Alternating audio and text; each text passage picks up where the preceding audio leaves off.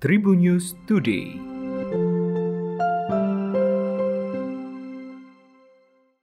Apa kabar Tribuners? Berjumpa kembali bersama saya Devi Rahma di Tribun News Today. Devi akan berbagi informasi menarik hari ini, mulai dari info nasional, regional, selebritis, dan olahraga. Di tengah merebaknya Omikron, pemerintah justru menghapus daftar 14 negara asal WNA yang dilarang masuk ke Indonesia.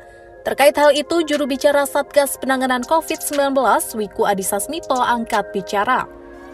Wiku menyebut keputusan dihapusnya daftar 14 negara asal WNA diambil berdasarkan hasil keputusan bersama dalam rapat terbatas pada 10 Januari. Penghapusan 14 daftar negara ini juga diambil mengingat varian Omikron sudah meluas ke 150 dari total 195 negara di dunia atau 76 persen negara. Menurutnya, ketika larangan masuk ke RI bagi 14 negara tetap diberlakukan, akan berdampak pada menyulitkan pemulihan ekonomi negara. Meskipun dihapus, Wiku menegaskan penetapan kriteria WNA masuk ke Indonesia masih sama ketatnya, sebagaimana yang telah diatur dalam SS Satgas sebelumnya. Atas penghapusan daftar negara ini, pemerintah menyamakan durasi karantina bagi seluruh pelaku perjalanan menjadi tujuh hari. Sejumlah kerusakan terjadi di wilayah Kabupaten Pandeglang pasca gempa 6,7 magnitudo di Banten pada Jumat 14 Januari 2022 pukul 16.05 waktu Indonesia Barat. Pusat Pengendali dan Operasi BNPB Abdul Muhari mencatat sebanyak 257 unit rumah mengalami kerusakan hingga Sabtu 15 Januari. Rincian data kerusakan paling banyak adalah di Kabupaten Pandeglang dengan total rumah rusak berat ada sebanyak 26 unit. Selain itu, dilaporkan juga satu warga mengalami luka ringan terdampak gempa bumi. Adapun di Kabupaten Sukabumi terdapat tiga unit rumah rusak sedang dan enam unit rumah rusak ringan serta di Kabupaten Bogor terdapat delapan rumah rusak sedang.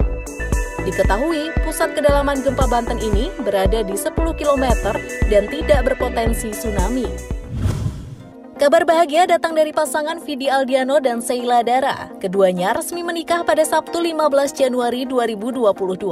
Prosesi akad nikah berlangsung mulai pukul 8 waktu Indonesia Barat. Tak hanya mengundang keluarga dan teman-teman terdekat, kedua mempelai juga mengajak para penggemarnya secara virtual.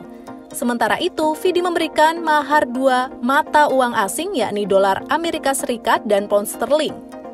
Vidi meminang Sheila dengan mahar uang senilai kurang lebih 24 juta rupiah.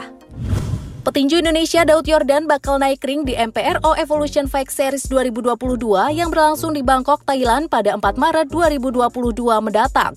Di ajang tinju internasional ini, Daud akan melawan wakil Korea Selatan Wang Kil Kim untuk mempertahankan sabuk gelar juara World Boxing Council ASEAN Boxing Council Continental.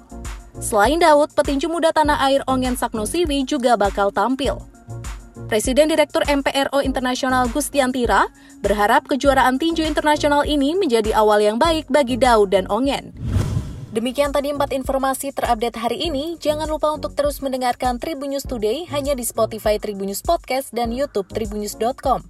Saya Devi Rahma pamit, sampai jumpa. Tribun News Today.